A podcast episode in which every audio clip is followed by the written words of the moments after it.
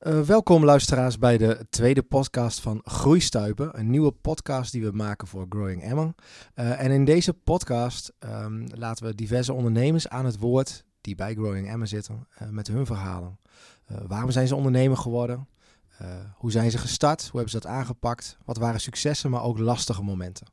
Vandaag dus aflevering 2 en een nieuwe gast. En die gast ga ik aan jullie voorstellen. Um, ja, onze gast wist op haar twaalfde al dat ze in de spotlights wilde staan. Ze lacht al. Uh, op een podium als musicalster, in de mode of op televisie. Uh, nou, ook wist ze al op jonge leeftijd dat onafhankelijkheid heel erg belangrijk voor haar was. Uh, de stap om op haar zeventiende naar Amsterdam te verhuizen paste daar dan ook helemaal bij. Nou, die opleiding tot modestylist was leuk, maar televisie bleef toch wel een beetje aan haar knagen. Media, informatie en communicatie studeren was dan ook een logisch gevolg. En daar ontdekte ze al snel dat video de toekomst heeft. Ja, en zeg je onafhankelijkheid, dan zeg je al snel ondernemerschap. Uh, als ondernemer hielp Lilian bedrijven en ZZP's met het maken van bedrijfspresentatievideo's. Ook editen hoorde daar overigens wel bij. Uh, ja, was, zeg ik, want ja, zo hebben we het altijd gedaan en blijven we het ook altijd doen. Past niet bij deze jonge onderneemster. De draai van het maken van video's naar anderen leren hoe je dat doet, was dan ook snel gemaakt de why van de ondernemer, maar ook de technische kant van video's. Um, en dat presenteren op social media staat nu centraal in haar trainingen. Het draait allemaal om zichtbaarheid zonder angst. En opvallend als laatste, ze ontdekte dat de grote stad ook niet alles is. En waardeert daardoor haar roots in Zuidoost-Drenthe nu veel meer. Haar terugkeer maakt dan ook dat we hier nu zitten. Welkom Lilian. Dankjewel. hoe, hoe is dat als je dit zo hoort? Ja, leuk. Het klopt. Je kent me goed. of het komt door alles wat ik deel natuurlijk. Ja, maar, uh, ja, ja, ja, ja, het, het klopt precies wat je zegt. Ja. Het meeste staat op je website. Ja, dat klopt. dus dat was niet zo heel moeilijk. Buiten de gesprekken die we heel vaak hebben. Ja. Maar, uh, ja. Hey, en um, um, ja, op je twaalfde uh, wilde je al in de spotlights staan. Ja. ja. Kun je daar iets meer over vertellen? Ja, ik denk dat het misschien al wel eerder was zo, maar echt bewust op mijn twaalfde inderdaad. Um, Toen was je er bewust van? Ja, ja. Natuurlijk altijd wel thuis heel erg bezig met, met zingen, met dansen, met theater. Mijn ouders zeiden ook altijd van, ja, jij gaat later naar de theaterschool. Mm -hmm. uh, maar eigenlijk pas later, ja, rond mijn, rond mijn tiende denk ik, ben ik me pas echt gaan bezighouden met musical en met theater, zingen. Ja, en dan heb je natuurlijk de afscheid musical in groep 8. Ja. En toen werd wel heel erg duidelijk dat ik uh, gek ben op het podium. Dus Had je de hoofdrol? Uh, ja. maar vanaf toen ben ik inderdaad ook gewoon gaan zingen, gaan dansen, theater gaan spelen. Heel veel opgetreden, ja. Oké. Okay. Ja. En um, uh, dus eigenlijk, op jonge leeftijd had je dus al door van ja, ik wil iets met, hè, met dat podium. Ja. En, um, um, en onafhankelijkheid, als je dat dan hoort. ja, dat, ja, dat is een karaktereigenschap. Maar het is denk ik ook wel uh, hoe ik ben, wel ben opgevoed. Toch wel heel onafhankelijk. Mijn ouders zijn ook best wel ja, vrij eigenlijk. Zie ik, link ik dat dan ook meteen aan. Um, ja, en ook altijd wel heel, heel ja, sterk de drang als kind al om, om alles te doen zoals ik het zelf wil doen. En een beetje buiten de lijntjes. En gelukkig kreeg ik die ruimte ook. En dat mm -hmm. scheelt. Als je die ruimte krijgt van je ouders, maar ook van de school. Ja dat scheelt gewoon heel erg. En dan kan je gewoon echt inderdaad jezelf ontwikkelen. En dus ook snel onafhankelijk zijn. Ja. En hoe vonden je ouders dat je op je 17 naar Amsterdam uh, ging verhuizen? ja, niet leuk. Nee. Nee, ik mocht ook eigenlijk niet. Ze wil, ja, ik mocht wel, maar ik, dan moest ik wat ouder zijn van mijn ouders. Hmm. Nou, uiteindelijk zagen zij ook wel dat, ik, uh, dat het echt niet meer le leuk was om mij uh, in Zwarte Meer te houden. Nee, dat was niet zo heel gezellig meer thuis. nee. Dus toen uh, mocht ik uh, toch wel vrij snel. Uh, maar nee, dat vonden ze niet leuk. Nee, hebben ze het wel la lastig mee gehad. Ja, zeker. Oké, okay, ja. Hey, en, en hoe was het voor jou dan? Want ik bedoel, ja, het is toch de stap van, van uit huis naar, ja, naar Amsterdam. Ja. is toch wat anders als Zuidoost-Drenthe. Sorry mensen. maar ja, dat is gewoon zo. maar hoe was dat voor jou dan? Ik bedoel, hey, onafhankelijkheid is belangrijk voor ja. jou. Zo heb ik je ook leren kennen. Ja. Maar, maar toch, het is een heel stap. Ja. Um, ik denk op dat moment was het echt een droom die uitkwam. En ik was natuurlijk echt jong, dus dan ben je misschien ook nog wel wat, wat naïver tussen aanhalingstekens. Mm -hmm. In de zin dat je denkt, ah, we gaan het gewoon doen en het komt wel goed. Ehm, maar toen ik er uiteindelijk woonde, merkte ik wel aan mezelf. Ik heb best wel lang last gehad van heimwee. Ik denk wel 2,5 jaar. Dat ik echt wel uh, elk weekend gewoon uh, nou, best wel moest huilen als ik weer terug moest met de trein naar, uh, naar Hilversum of Amsterdam. Mm-hmm. Maar ja, uiteindelijk ben ik wel heel erg blij dat ik het heb gedaan. En liep ik soms ook wel echt door de stad met het idee van... goh, ik ben gewoon echt alles aan het doen wat ik als kind al wilde. En dat beseffen, ja, dat is gewoon hartstikke mooi. Ja. Wauw, ja, gaaf. Ja. En um, ja, dan toch een beetje... Is het, was het dat moment ook van, ja, ik ben eigenlijk... Ik, ik doe nu gewoon wat ik wil? Ja. Komt dan die onafhankelijkheid weer omhoog? Ja, ik noem dat Ja. woord heel vaak, want dat, daar hebben, dat merk Ja. ik heel vaak aan jou. Dat het gewoon een, een heel belangrijk goed is. Ja, dat klopt. Ja, zeker. Ja, dat, dat, dat merkte ik wel heel erg. Het nadeel is dan wel weer dat je ook eh, het hier verliest. Dus Zuidoost-Drenthe, dat verlies je. Je verliest het contact, maar je verliest ook wel dat stukje van je identiteit. Ja. Maar ik denk dat dat heel goed is juist. Omdat dat je ook weer vormt door weg te gaan. En door Ja. inderdaad echt je ding te doen wat je zo graag wil doen. Hele andere omgeving, andere cultuur. En je hebt nu ook vergelijkingsmateriaal. Ja. Ja. Ja. En Als je terugkijkt op die periode, zeg maar, wat, ehm, wat heb je dan over jezelf geleerd? Heel veel. ja, jeetje, waar moet ik beginnen? En misschien zou ik iets concreter v- maken. Wat neem je er en, en, en misschien al het verlengde, wat neem je daarvan mee in, je, ja, in, je, in, je, in wat je nu doet, ondernemen? Ja. Nou, ik heb wel gemerkt, ik moet heel eerlijk zeggen, ik vond het in het begin, dat is nu twee jaar geleden dat ik terug ben gegaan, heel erg lastig om terug te gaan. Eh, in eerste instantie gewoon mijn ego. Ik had altijd een hekel aan, eh, aan Drenthe en aan Emmen en grote mond en Amsterdam was alles. Eh, dus nou, dat was lastig. Maar wat ik ook lastig vond, is dat het toch wel, wel anders is. Het is echt een hele andere werkcultuur. Amsterdam is gewoon wat drukker, is wat directer, is misschien al ietsjes verder qua ontwikkeling. En hier is het wat eh, langzamer. En is het ook wel, eh, wat ik heel positief vond juist, is dat het hier wat meer gaat echt om jou als mens. Mhm. En minder om, oh jij bent de zoveelste die dat of dit doet. Ja. Dus dat heb ik eigenlijk in eerste instantie geleerd, dat echt die werkcultuur heel anders is. En dat ik dat dus hier ook veel meer ben gaan waarderen. Maar dat ik ook datgene wat ik in Amsterdam heb geleerd, ook weer hier mee kan nemen. Dus dat wat directer zijn, dat meer echt bezig zijn met innovatieve Ja. ontwikkelingen. Ehm, ja, en als persoon heb ik heel erg geleerd dat ik niet afhankelijk wil zijn van een omgeving. Dat is wel één ding wat ik heel erg heb beseft, dat ik mijn identiteit en mijn omgeving eigenlijk van elkaar af heb ge, ja, getrokken Mhm. eigenlijk. Mhm. Eh, tuurlijk, het is wel onderdeel van wie je bent. Kijk, ik ben, ik ben dat meisje uit Drenthe, maar ik ben ook nog steeds dat meisje dat naar de stad is gegaan. Maar ik vind het niet meer erg om ergens te zijn en daar dan helemaal afhankelijk van te zijn. Dat, dat heb ik niet meer. Ik heb het nu helemaal los van elkaar. En nu maakt het me dus ook niet meer zo heel veel uit waar ik ben. En dat vind ik eigenlijk wel heel mooi. Oké. Ja. Dus, dus- dus- ja, ik zit, dit, dit- moet ik even laten landen. Dat snap ik. ja. Het maakt dus niet meer uit waar je Nee. bent. Nee. Ehm, maar is dat dan omdat je jezelf, omdat je hebt ontdekt wat voor jou belang, het be- Ja. belangrijk is? Ja, dat probeer ik denk ik te zeggen inderdaad. Ja, dat ja. je het misschien minder extern opzoekt. Dat is denk ik een betere Ja. En mis- uitleg. misschien leek Amsterdam, zeg maar wel. Hè, ik vind al een beetje klinken trouwens platteland versus grote stad. Zo van, nou, alsof- provincie, Pro- zeggen ze, hè? provincie ook nog, ja. Ja, hè, ehm, en ergens bij Zwolle begint dan de snelweg. ja. Nee, maar ehm, ehm, ja, wat, wat wilde ik daarover zeggen? Ehm, dus eigenlijk door die, die stap naar Amsterdam, eh, je hebt nu ook vergelijkingsmateriaal, heb je ook Ja. eh, eh, jezelf beter leren kennen. ja, zeker. En, en ontdekt wat echt belangrijk is. Ja. En dat, is dat is niet afhankelijk van de plaats. Nee, precies. Nee. Maar juist door wel in een andere omgeving te stappen, ontdek je natuurlijk ook hè, wie je bent en wat je nou wil. Je vormt nu je eigen identiteit. En dat terugnemen naar waar je vandaan komt. Mooi. Ja, dat is mooi. Ja, Ja. zeker. En volgens mij heb je ook wel leren waarderen wat er mooi is aan deze omgeving. Met al zijn Ja. voor- en nadelen. Hè? Ja. bedoel, ja, ja. Laat ik dat vooropstellen. Daar ben ik echt het meest blij om. Dat dat gewoon weer terug is. Ja. Ja, en dat ik geen hekel meer heb aan... eh, Hey, dat is dikke winst. ja. Ja. precies. Ja. Hey, en toen, eh, toen besloot je om ondernemer te worden. ja. Ehm, eh, hoe kwam je tot dat besluit? Ik denk dat het eigenlijk altijd wel een beetje in mij heeft gezeten. Ik weet nog wel dat op de, op de middelbare school zeiden ze al tegen mij van... Ja, Lilian, die wat, eh je bent later zakenvrouw. Zakenvrouw Toen dacht ik, oké, zakenvrouw, wat is dat? Ehm, maar ik merkte al wel, wel vrij snel van, goh, ik wist eigenlijk helemaal niet precies wat ik wilde. Echt een, een beroep zoals eh, advocaat, dokter, eh, iemand die de administratie, zeg maar. Mhm. Dat, daar paste ik gewoon niet tussen.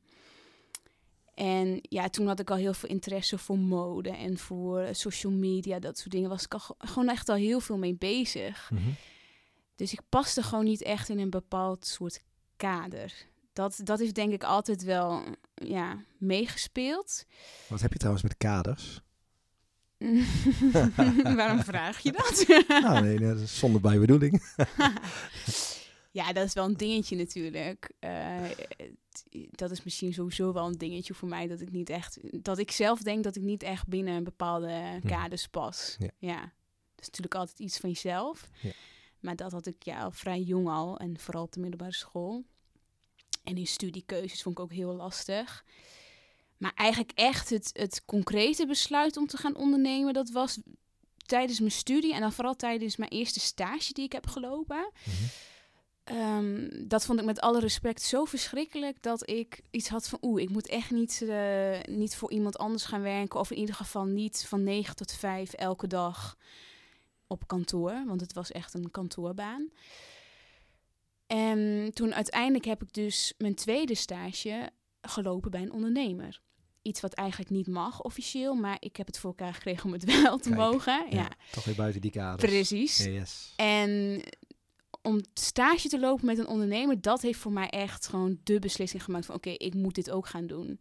Dus ik ben ook helemaal voorstander van dat scholen dat gewoon gaan accepteren. En ik kan ook iedereen aanraden, die, iedere student aanraden die wil Mhm. ondernemen, ga sta- stage lopen bij een ondernemer. Maar wat zag je toen dan bij die ondernemer? Wat, want, want wat trok je daar dan zo in aan? Ehm, vooral de diversiteit. Eh, ik liep stage bij een uh, modestylist. Dus ja, zij regelde eigenlijk eh, styling van BN'ers, maar ook voor bijvoorbeeld bepaalde modecampagnes, modeshows, televisiecommercials, noem het maar op.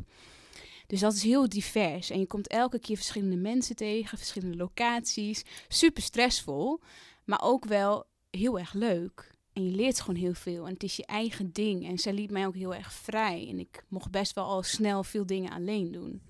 Dus ja, die vrijheid en Ja, die onafhankelijkheid. Onafhankelijkheid. Ja, daar komt hij weer. Ja, dat, Ja. dat trok mij gewoon heel Ja. erg. En gewoon de afwisseling van dingen. Ja. Ja.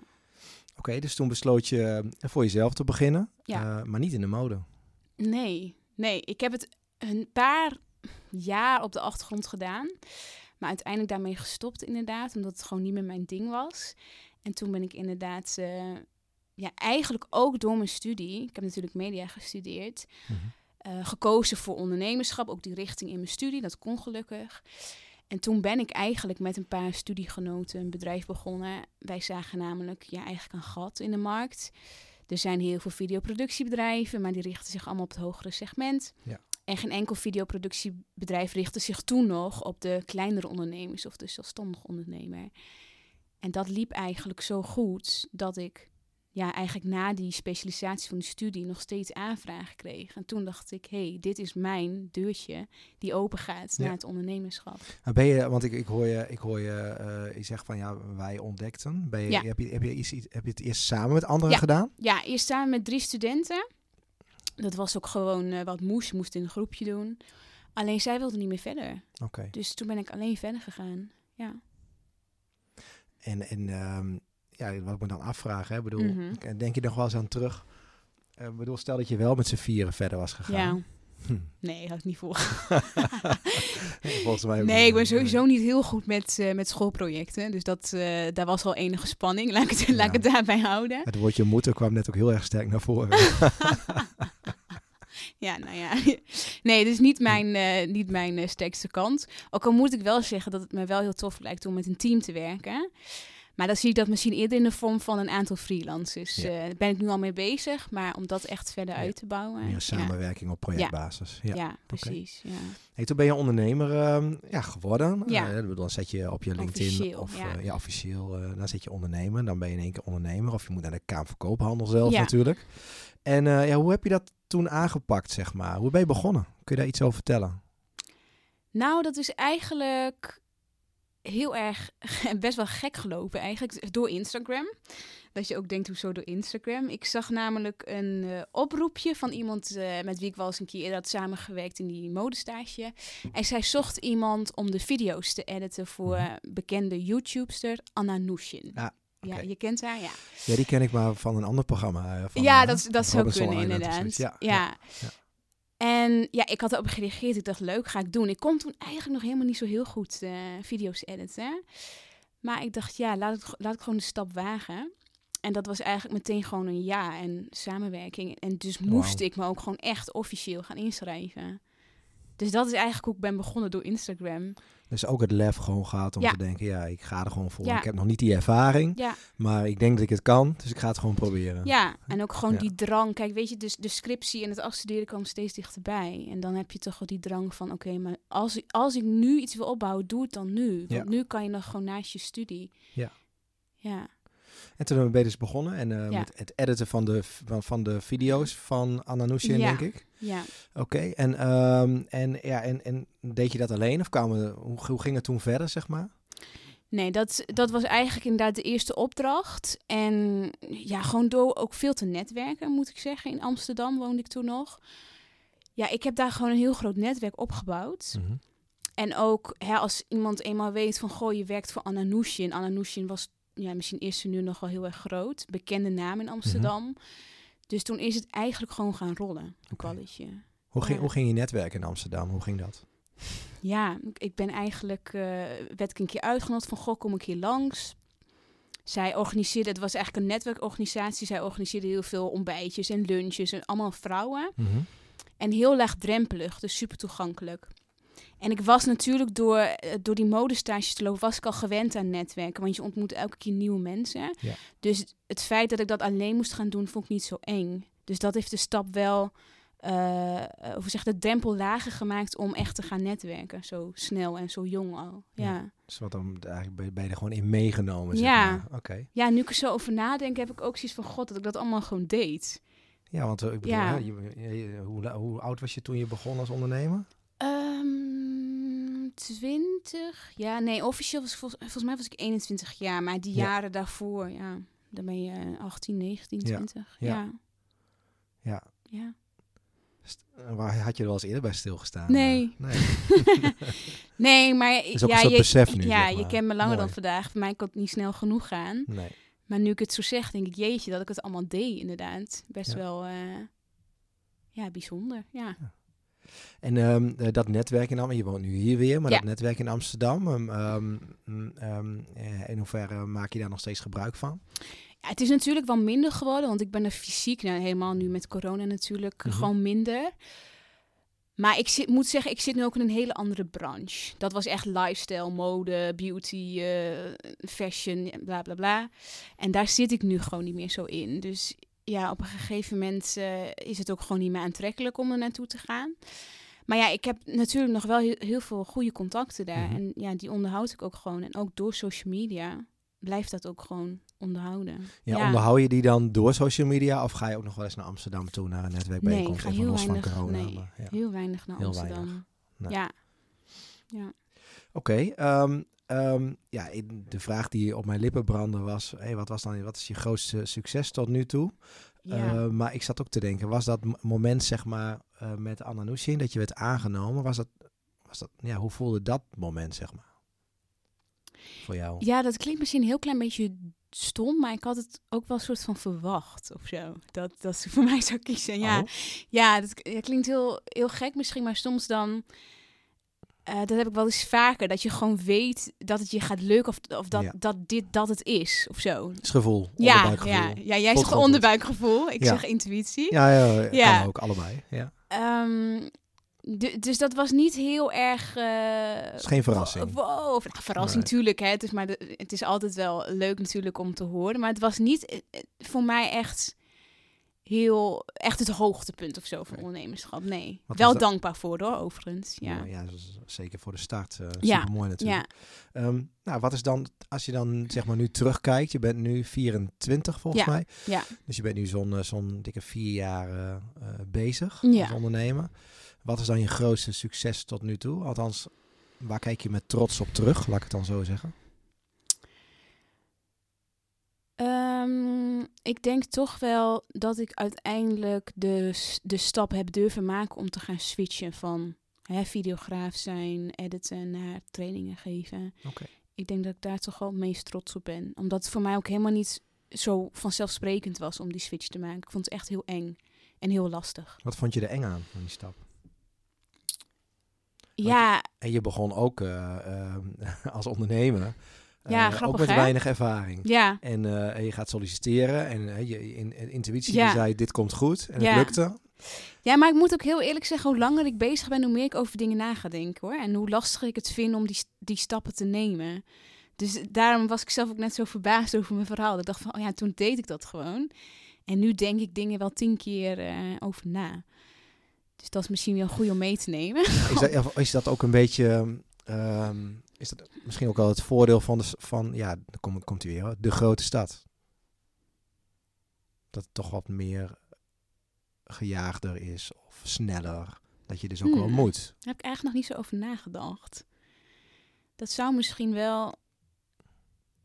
Ja, misschien speelt dat wel mee hoor. Dat je dan toch iets...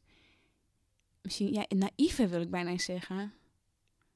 Nou ja, jij zei ooit, ehm, ik kan nog heel, heel goed herinneren, toen je terugkwam en ik Ja. jou voor het eerst ontmoette bij Growing Emma. Ja.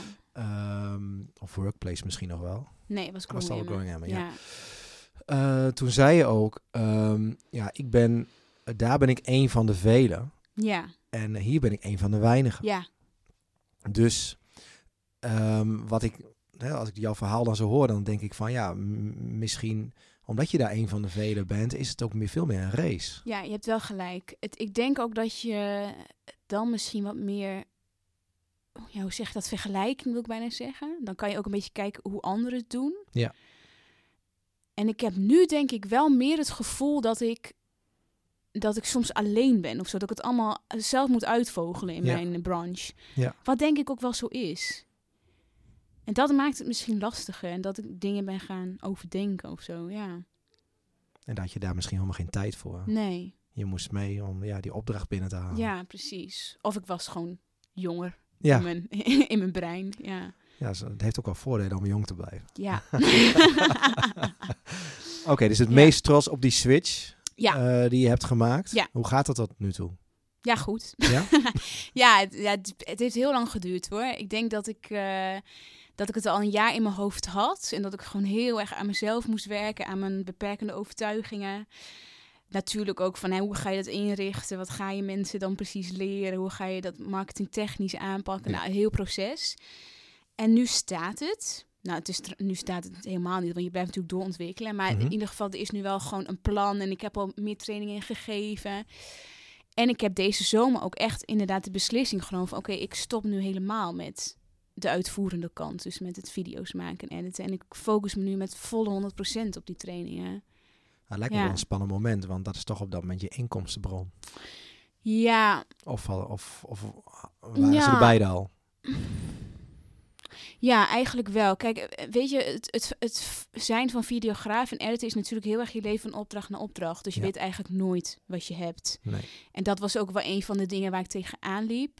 Dacht, ik wil af van uurtje factuurtje en ik wil gewoon naar vaste prijzen, trajecten. Ja.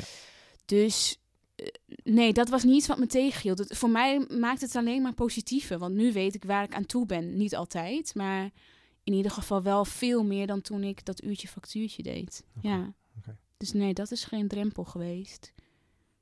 Dus, en je hebt de draai dus nu gemaakt. En eh, Ja, eh, het editen besteed je nu zelfs uit. ja, heel trots op. ja, super mooi. Ja, Ehm, dus nou, waar je het meest trots op bent, is op die switch. Dus dat is Ja. eh, hè, dus ook gewoon het, ja, het, het, het gewoon doen, het loslaten van iets ouds. Maar dat past volgens mij sowieso wel heel erg bij jou, want ja. we moeten niet te lang hetzelfde doen. Nee. Ehm, eh, maar toch ook iets nieuws doen wat nog oncomfortabel is. Ja. En waar allerlei overtuigingen, soms belemmerende overtuigingen, naar boven komen. Ja, absoluut. Ehm, als je nu terugkijkt op, ehm, op, op het lastigste moment van, van je ondernemerschap, is er dan ook dit moment of is dat een ander moment? Nou, ik denk dat. Nou, misschien, misschien wel dit moment. Maar ik vond het begin, nee, ik vond denk ik het begin lastiger. Toen ik echt het idee had van, goh, ik wil eigenlijk wat meer doen met trainingen geven. Om dat echt gewoon concreet te maken, om die stap te maken naar gewoon is een keer een eerste training of workshop geven. Ik denk dat ik dat echt heel erg lastig vond. En ja, daarvoor moest ik gewoon echt nog heel veel werk doen. Wat moet je er eigenlijk allemaal voor doen? Nou ja, in mijn geval, kijk, ik had bepaalde overtuigingen, zoals dat ik niet goed genoeg was, of Mhm. eh, bijvoorbeeld eh, dat ik nog te jong was om dat te doen. Maar ook gewoon hele praktische belemmeringen van ja, hoe zet je zoiets op en waar Ja. begin je? En eh, wat bij mij een hele grote rol speelde was dat ik me zo verantwoordelijk voelde voor iemand die dan deelnam. Die moest er dan ook echt alles uithalen en alles mee doen. En als dat niet zo was, dan ja, was ik mislukt. Ja. Was ik een mislukte ondernemer. Ja. En dat maakt natuurlijk ook dat je er minder snel aan begint. Dus dat heb ik wel echt moeten, aan moeten werken. Heb ik ook echt wel professioneel eh, een bedrijfscoach eh, heeft mij daarbij geholpen. Mooi. En ja, dat, het was echt een jaar lang ook coaching. En dat heeft wel echt gemaakt dat ik gewoon niet meer ben gaan luisteren naar die angst.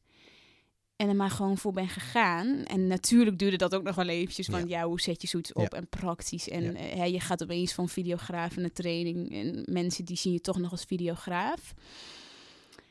Maar uiteindelijk, door dat stuk eerst op te lossen, heeft dat wel voor gezorgd dat ik gewoon uiteindelijk ben gaan doen. En er maar voor ben gegaan. En daardoor dus weer heb kunnen doorontwikkelen. Maar dat was heel zwaar, want je komt jezelf continu tegen. Ja. Ja. En, en hoe heb je die overtuigingen zeg maar omgebogen?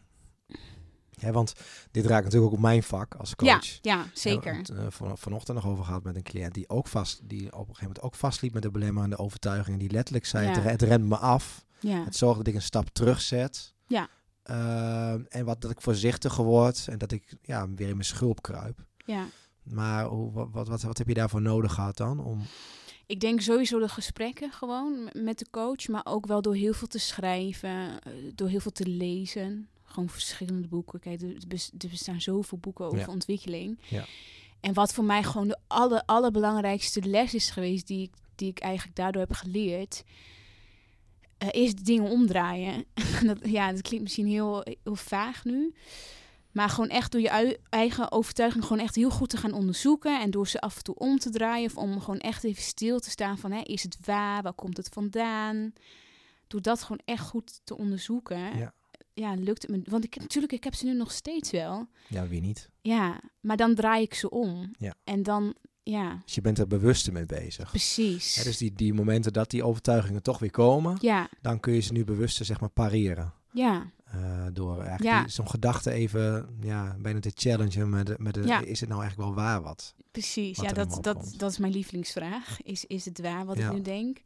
Ja, dat zorgt voor heel veel rust. Bijna een verlossing eigenlijk. Ja, Ik denk, ik denk, maar dit is mijn aanname, dat ook heel veel Mhm. ondernemers dit zullen herkennen.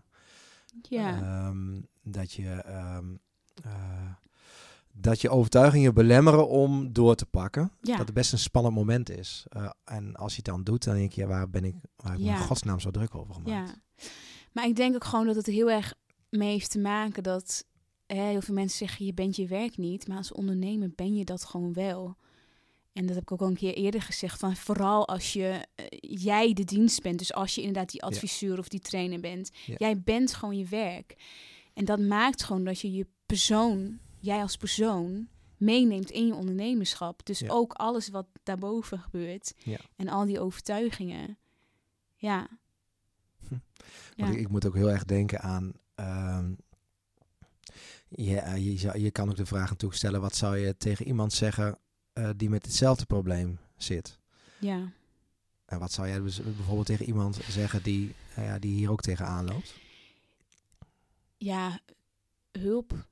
Hulp zoeken klinkt, klinkt een beetje gek, maar ja, zeker gewoon echt investeren in persoonlijke ontwikkeling. Ja. Ook als het niet haalbaar is, financieel. Kijk, dat, dat, dat klinkt misschien een beetje heftig, maar eh, voor mij was, was het ook niet altijd haalbaar. Maar ik, voor, voor mij was het wel zo urgent dat ik het wilde doen en Ja. dat ik het er echt voor over had. Ja.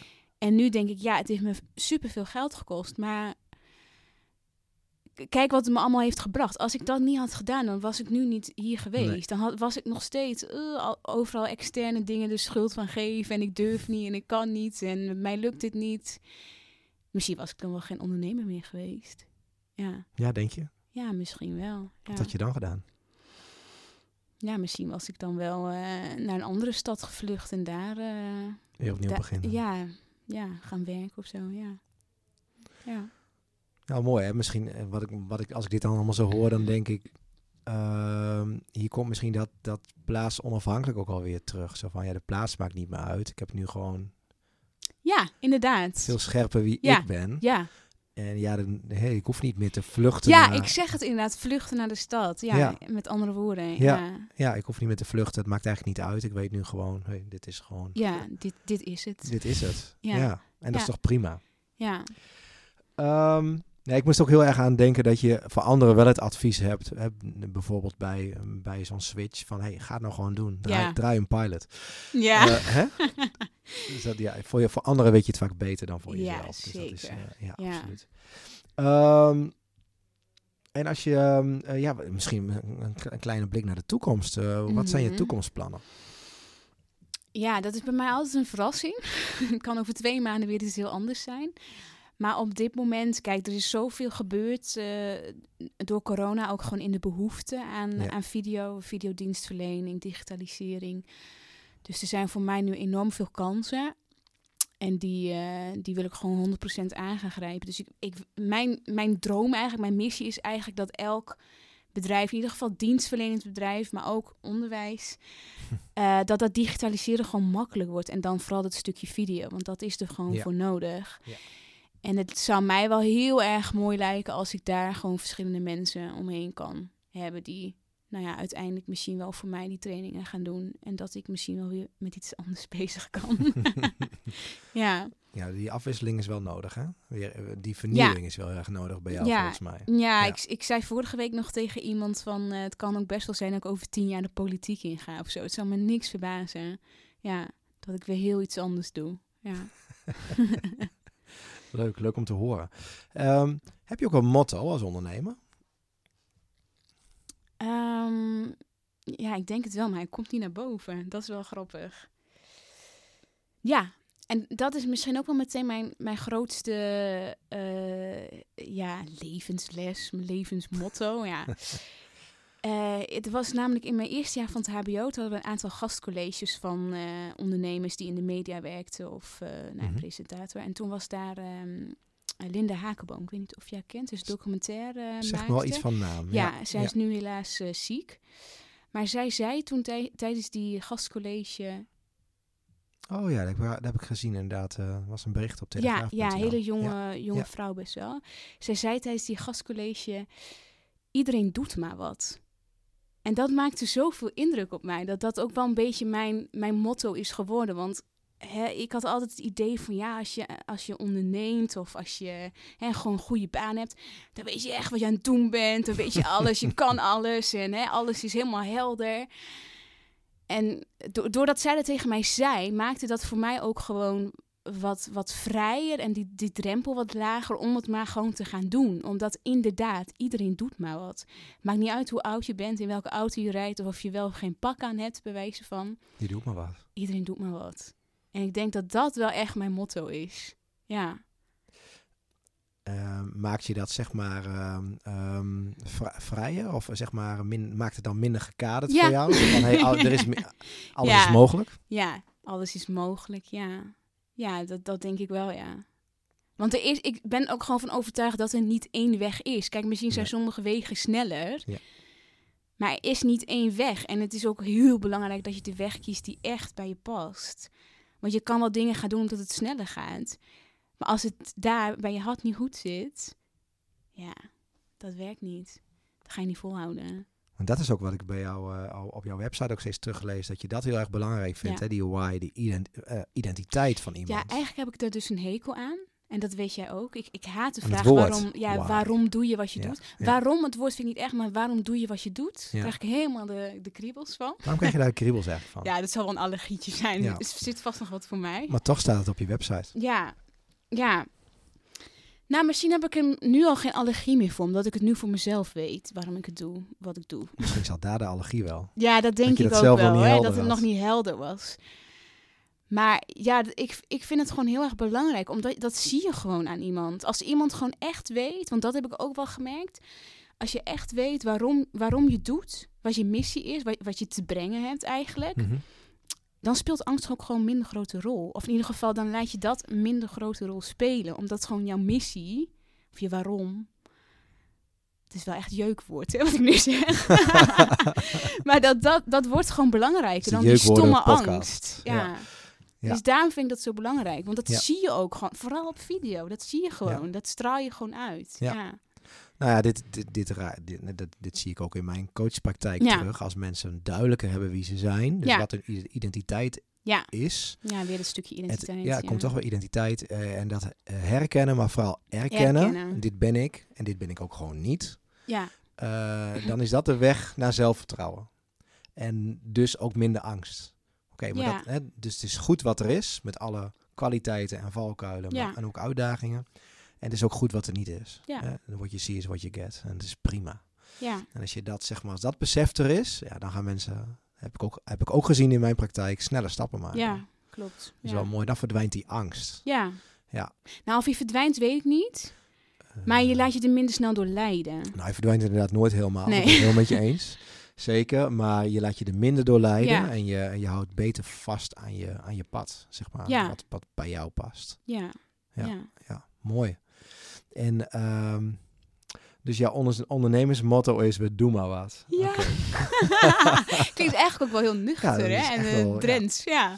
Ja, we doen maar wat. Ja, Ja. Het zou inderdaad je Ja, slogan, iedereen doet maar wat, ja. Die slogan staat niet op je, op je website. Nee, Hm. misschien moet ik hem eens gaan verwerken. Lilian Plas, we doen maar wat. Ja, ik doe maar wat. Ja, ik doe maar wat. Ja. ja, is ook echt zo. Ik doe ook maar wat, ja. Ja, ja, nou ik ook. Ja. ja. Ehm, heb je nog een belangrijke tip aan andere ondernemers? Iets waarvan je zegt, nou, dat wil ik je echt meegeven als je start als ondernemer of als je worstelt in je ondernemerschap. Ik bedoel, hè, corona eh, is geen makkelijke tijd om even als voorbeeldje te Mhm. pakken. Dat brengt ook heel veel onzekerheid en worstelingen met zich mee. Eh, nou, heel veel tekst, maar heb je nog een belangrijke tip aan, een, aan, aan ons als ondernemers? Zo. Nou, ik vind eigenlijk best veel tips gegeven. Ja. Anders gaan we eerst even naar de reclame. En dan komen we zo weer terug. Nee, ik denk toch, en het, ja, ik denk dat ik, mijn, ik heb de neiging om te zeggen, hè, als, je, als je dat lastig vindt of als je ergens tegenaan loopt, om dan toch wel te gaan praten met andere ondernemers. Gewoon echt, echt dat sparren, weer een jeukwoord, maar Ja, ja. dat, ehm, ik merk dat, dat dat toch wel heel erg waardevol is om dat te gaan doen. Om de, om de juiste mensen te verzamelen. Dat is denk ik een, een, wat ik echt... Kijk, dat is misschien een beetje cliché. Want Ja, hoe doe je dat dan? Hoor je vast wel vaak, mensen? maar dat is misschien een mooie. Hoe doe je dat? Wie zijn dan de juiste mensen? Ja, dat, dat voel je toch wel. Hè? De mensen die je motiveren, de mensen die ehm, interesse tonen, de mensen die je misschien helpen met de mensen die jouw angst dus zien. Dat vind ik misschien ook wel een goeie. Die, die je helpen met reflecteren. Ik denk Ja. dat dat de juiste mensen zijn. Gevoelsmensen, denk ik dus. Mensen die het ook aanvoelen. Of intuïtie komt hier weer om. Ja, en dat is heel erg lastig om dat te doen. Maar ik weet uit ervaring, als je, als je mensen in je omge- omgeving hebt die je niet supporten, ja, dan, daar heb je gewoon echt niks aan. En Ja. daar, daar, daar kan je de hulp ook niet van verwachten eigenlijk. Dus ik denk dat ik dat het allerbelangrijkste vind voor een, als we het dan hebben over startende ondernemers. Zoek de juiste mensen. Alleen voor startende ondernemers? Ja, natuurlijk ook wel voor, de, voor ondernemers die al wat langer op weg zijn. Ja. Maar goed, als je dat doet, betekent dat wel dat je best wel... Nou ja, dan kies je natuurlijk zelf wel hoe kwetsbaar. Maar je stelt je ook heel kwetsbaar op. Ja, Dan. dat is, dat is wel een dingetje voor mij. Ja. En dat klopt. Ik denk ook wel dat je heel kwetsbaar sowieso bent als ondernemer. Maar dat het ook wel belangrijk is dat je je kwetsbaar opstelt. Ja. Ja. Maar dat is, is het voor jou nog steeds een drempel? Of- Ja. Ja? Dat, dat is nog lang niet opgelost. nee, dat is bij mij wel echt. Maar ik denk dat dit ook heel herkenbaar is voor heel veel die dit nu luisteren. Ja. Eh, bij mij is het wel gewoon een dingetje. hè, dat is misschien ook wel omdat jij je werk bent. Ja. Ik hang wel echt mijn eigen waarde aan mijn eh, prestaties. Ja. Ja. Dus Maar- eh, als iemand vraagt hoe gaat het en het gaat wat minder goed, ik zal dat niet zo snel zeggen. Nee. Nee, dat vind ik veel te kwetsbaar. En als het bij een persoon is waar het heel goed bij voelt? Nou, die heb ik misschien nog niet gevonden dan. Oké. ja, het ligt natuurlijk ook aan jezelf. Ja, maar je... Maar nee, ik zeg dat niet zo heel snel. Nee, oké. Heel af en toe misschien wel tegen bepaalde mensen. Maar je geeft Ja. als tip wel, eh, je geeft als tip mee, joh, eh, eh, blijf sparren. En Ja. sparren betekent dus ook wel een mate van kwetsbaarheid. Ja. Want anders heeft dat, leidt dat Nee, sparren eh, nee. Leidt, leidt tot niets. Nee, het moet niet aan de oppervlakte blijven. Nee, daarom vind ik zin in ondernemen ook zo leuk. Ja, Daar, daar gaan we echt de diepte in. Daarom vind ik dit soort gesprekken ook mooi. maar daar stel je ook kwetsbaar op. Ja, gek hè? Dus dan doe je het wel. En Maar- nu ook eigenlijk. Ja, ik wou zeggen, misschien komt het omdat, omdat jij het vraagt. Maar ik denk dat als iemand anders had gezeten, had ik ook wel gedaan. Het komt misschien omdat het... Nou, wat een goede vraag. ja. Nou, misschien heb ik daar dan meer last van in mijn, in mijn directe omgeving. Dat ik dat moeilijk vind. Om het, om het daar dan echt... Hm. Want dit vind ik juist mooi om te doen. Omdat... Hè, soms heb ik ook eens op social media... Ik kreeg namelijk één keer van een, een goede vriendin van mij... een berichtje van... Goh, ik voel me soms wel eens rot als ik jou zie op social media. Omdat het lijkt alsof het zo goed gaat. En dan denk ik... Ja, mijn lieve schat... Ik zit 80% van de tijd in mijn hoofd. Ik denk over over na. En soms loop ik te janken. Maar ja, dat laat je niet zien. Niets En daar, nee, en daarom Ja. vind ik het wel belangrijk om dit soort dingen ook te doen. Ja. Omdat dit ook gewoon de realiteit is. Ja. Maar ja, de balans vinden tussen kwetsbaar opstellen en Ja. professioneel. En nou, Ja. dat is lastig. Ja. Dat betekent natuurlijk niet dat je overal eh, en bij iedereen alles maar vertelt. Nee, Maar als ondernemer eh, heb je nu ervaren zeg maar, dat het belangrijk is dat je, met, eh, dat je een aantal mensen om je heen verzamelt waarbij het goed voelt. Waar je bij intuïtie zegt, hey, dit voelt gewoon goed, voelt lekker. Ehm, en, en dat je daarmee kunt sparren om eigenlijk verder te komen. Ja, en ik denk sowieso dat je echt naar je gevoel luisteren een hele goede tip is. Want geloof mij, die heeft altijd gelijk. Ja. En ook die zorgt ervoor dat jij de meeste energie overhoudt. Ja, Mooi. ja. Ja, dan zijn we al bijna aan het einde van de podcast, eh, Lilian. Ehm, wat ik je niet in de voorbereiding heb meegegeven, kijk, ik heb ook nog wat te verbeteren, is dat we ehm, toch ook al op zoek zijn naar een soort tegeltjeswijsheid, die we van iedere ondernemer gaan vragen. ja. Maar ik moet nu heel erg denken aan, doe maar wat. Ja, iedereen doet maar wat. Dat Ja, is toch, dat is ja. toch voor op een tegeltje? Ja, het is, het ja. is iets geweldig eigenlijk. Gewoon, eh, eh, iedereen doet maar wat. En eh. Lilian Plas. ja, mooi. En vorige week hadden we Wenne, Wenne Veldhuis. En die, die zei, ehm, eh, die, die tegeltjeswijsheid gaat vooral over zelf, maar niet alleen. Oh ja. En vandaag hebben we iedereen doet maar wat. ja. Dus mooi. Dankjewel voor je openhartigheid. ja, jij bedankt. En eh, ik vond het heel erg leuk om, eh, om eh, ja, je nog beter te leren kennen. Ja. We kennen elkaar al een beetje. Ja, Ehm, en ook dank voor je tips. Ehm, en ja, wellicht tot de volgende keer. dankjewel. Eh, dit was de podcast Groeistuipen, de tweede aflevering alweer. Ehm, ik hoop dat jullie het leuk vonden. Ik hoor graag wat jullie ervan vonden. En of jullie nog tips hebben. En dan, ehm, dan wens ik jullie nog een fijn weekend. Het is vandaag vrijdag. Eh, en hopelijk tot een volgende keer.